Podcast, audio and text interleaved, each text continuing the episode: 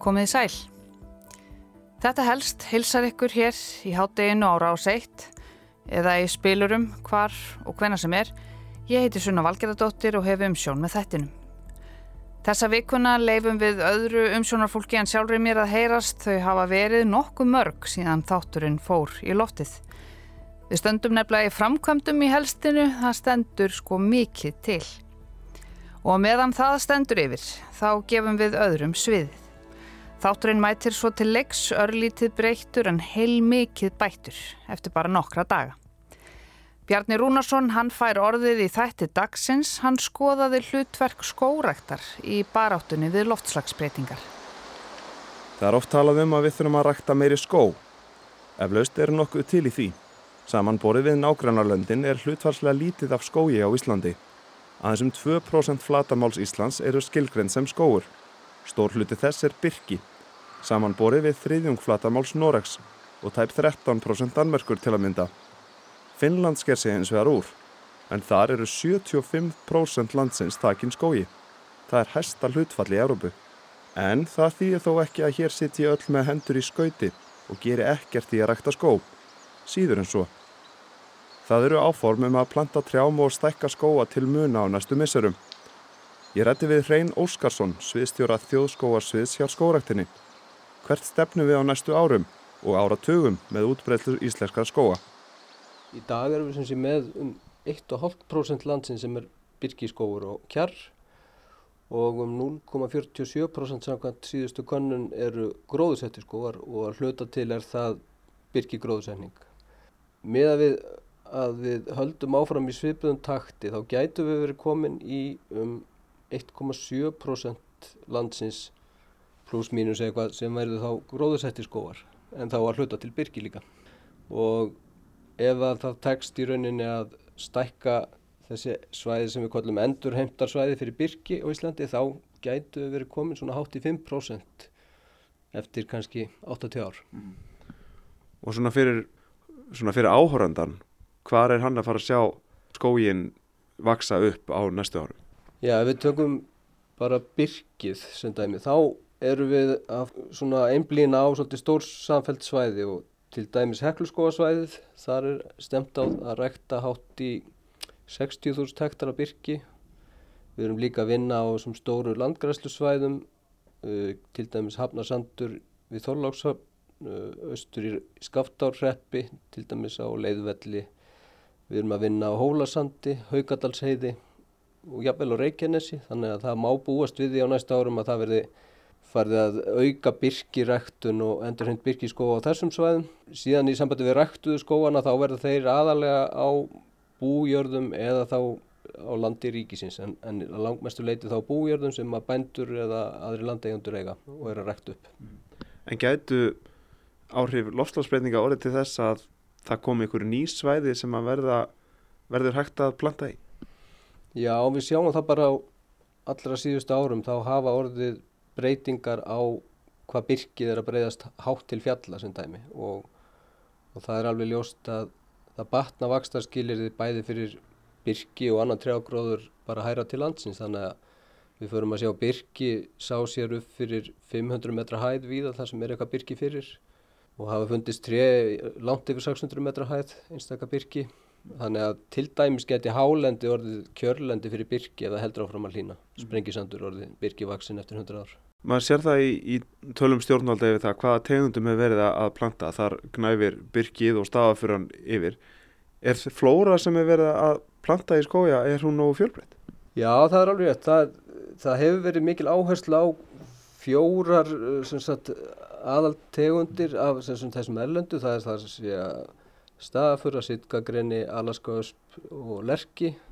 En byrki hefur yfirleitt verið svona þriðjangur af öllu sem gróðsett er En það hefur uh, verið líka ræktað eitthvað og gróðsett af reyniviði, elri og, svona það sem við kallum eðal löftrjám sem kannski þrýfast síður út á berangri. Víðir og, og fleiri tegundir sem eru nýtta líka sko. En, en það er, já já, það má alveg gaggrína það. Það mættu vera fleiri og fjölbreyttari eh, tegundir sem við notum sko í skóræktinni. En hvar og hvernig raungerast svo þessi miklu áform um meiri skórækt? Ég talaði líka við Ástísi Lökk Theodorsdóttur, skipulagsfræðing og aðjungt við Háskóla Íslands. Það er nú erfitt að svara í stuttum máli hvar skóarnir koma til með að byrtast okkur.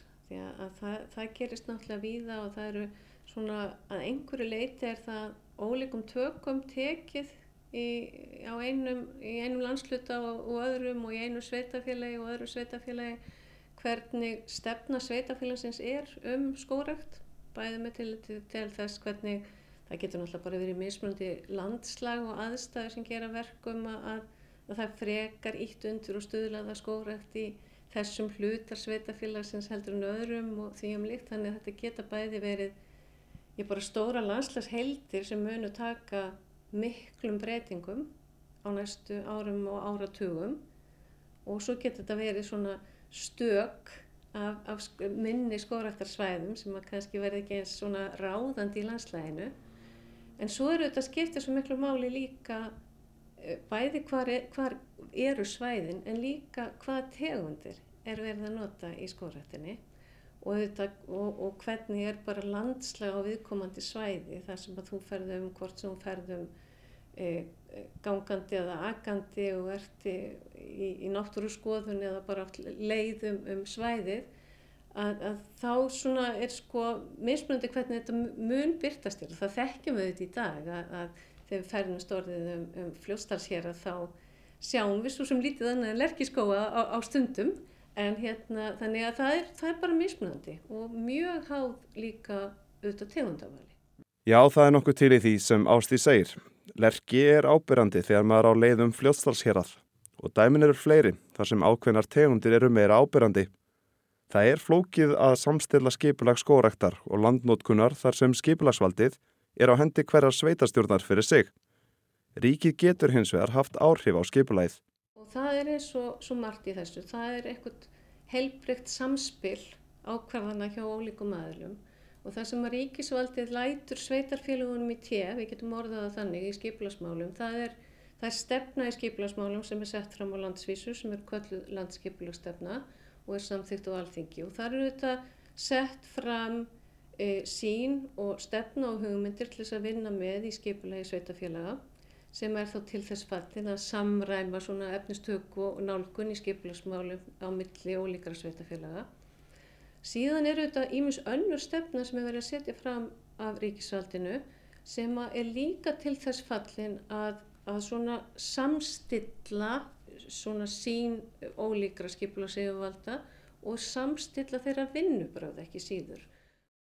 Svandi Svavastóttir matvallaráþara hefur búið nýtt skipulag á landsvísu með nýtningu þess í huga. Þetta saði hún á nýjafstöðinu matvallaþingi þegar ég hitti á hana. Eitt af mikilvægu verkefnunum sem eru framundan og ættu í raun og veru verið að koma að staðin eru það ekki, eru, e, ekki með nægilegu móti, er að flokka landbúnaðaland á Íslandi. Að það er að segja að við flokkum það þannig að við metum hvaða uh, tegund af landi og jarðvegi hendar best fyrir hvaða tegund af, af ræktun eða, eða, eða landbúnaði uh, og þetta þarf að gera í sátt við líka vistkerfi Íslands. Þa, það er að segja að við séum ekki að ógna vistkerfunum uh, með því að ganga á þau í, í því hvernig við erum að nýta landið og, og varðveita jarðvegin. Og þá spyr maður sig, hvar lendir skóraktin í því skipulagi? Já, það er mjög góð spurning. Hún, hún kannski fellur svona millir skips og bryggja, kannski mm. ekki hvað svo var. Hvar fellur skórættin? Hún náttúrulega almennt sko er, henn er ekki ætlað að, að fara inn á þau svæði e, almennt sem eru skilgreynd sem kjörlendi til agurirkju, til dæmis. Þannig að þar viljum við síður sjá land farundur skórætt. Það, það er hugsunin svona í þeirri stefnu sem hefur verið að mótast og síðustu árum er að, að besta agurirkjulandið eigum við að eiga til þess að, að rekta matvæli og fóður. Síðan koma landslagsjónamiðin sem að geta líka verið takmarkandi þáttur á það hvar við förum í umfangsmekla skórakt, sérstaklega með svona tegundum sem er ekki hluti af okkar svona landslægi hefðbundið ef við getum orðaða þannig. Þannig að, að skóraktin er þá kannski það verið að íta henni út af, af besta aguríkjulandinu og, og þá í á, á svona aðrar tegundir lands í, í dreifbili þar sem að, er ekki sömu góðu tækifærin til, til matvælaræktunar. Eru dæmi um það að það hefur bara einhver tekið það upp hjá sjálfum sér að rækta skó þar sem að kjörlendi fór undir skóin og er þar að leiðandi ónáttæft í framtíðinu? Já sko, eflaust eru dæmum það vegna þess að það er náttúrulega alveg nýtil komið að við yfirleitt séum að kortleggja landbúnaðaland með tilliti til gæða til aguríkju. Þannig að, að, að vafa lítið höfum við gert það í, fram til þessa. Er eitthvað sérstök svæði sem við erum að fara að sjá breytast meira heldur en önnur með þessi áform sem liggja nú fyrir? Já, ég er alveg sannfærður um að það verður allt önnur ásýnd svona almennt til sveita á Íslandi. Það er mjög margir bændur sem bæði hafa rægt að skjólbelti og skóareiti. Þannig að þó að það sé ekki samfelt skórækt á löndum bænda þá er þetta mikil ásýnda breyting. Eitt skjólbelti í rauninni getur breytt mjög miklu, uh, mik miklu útsýni þó að, þó að það sé ekki mikið flatamál sem það þekkur. Þannig að Sveitirnar eiga eftir að breytast á næsta árum og hafa þegar breyst sumar sveitir eins og fólk hefur tekið eftir. Og svo sjáum við líka breytingar inn á þessum eyðisöndum, fyrrum eyðisöndum sem búið er að græða upp, bara sem dæmi hekluskósaði þar sem að fyrir 20 árum voru algjörur auðinir en eru í dag að vaksa upp byrkiskóar. Górækt er sagt, tekin inn í uh, loftslagsbókald Íslands og það er búið að rannsaka kólefnisbindingu og mæla kólefnisbindingu í skóarreitum í allavega 20 ár núna í gegnum íslenska skóarúttækt sem dæmi. Þannig að þetta er eitt af því sem Ísland telur fram þegar þeir eru að, að koma með aðgerði til mótsvægis við losun og þetta er eitthvað um 400-500.000 tonn ef ég mann rétt sem er verið að binda á hverju einasta ári í þessum skóum á Íslandi og ef við myndum, munum halda áfram að auka skórækt og segjum að við myndum ná að fjórfaldan á næstu árum þá er líklegt að skóræktin gæti farið að binda miðja 20 stöld yfir eina miljón tonna á hverju einasta ári þeir nýju skóur sem þá kom inn. Þá gæti það farið að slaga í sko að minnstakosti fjórðung þeirra losuna sem er í dag ef ég mann rétt en það er svo afstætt hvað er tekið með inn í þá losun hvort það eru bara samgöngur eða flugið eða skipin mm -hmm.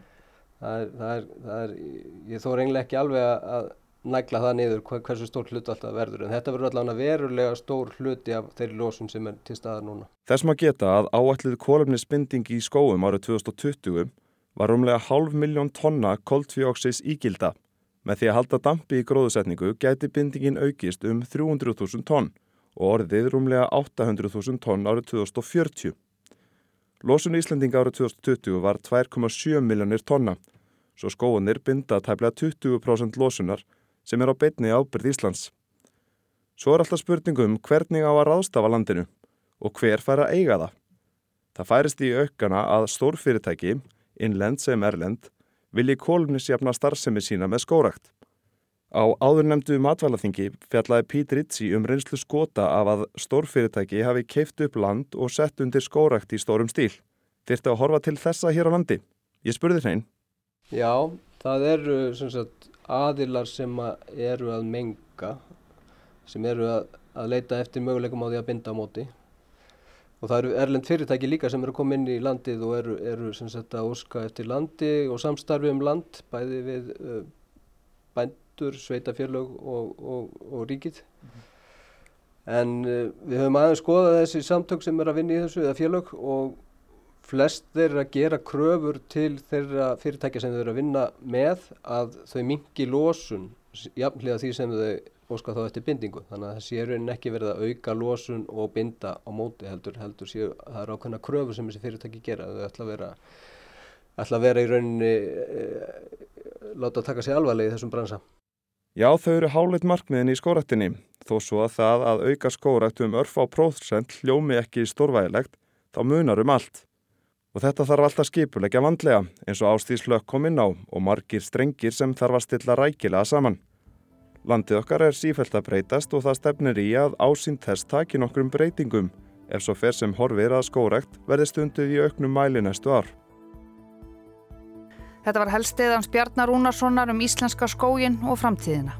En ég heiti Sunna Valgeradóttir og þakk ykkur fyrir að leggja við hlustur í dag og við heyrumst svo aftur á morgun.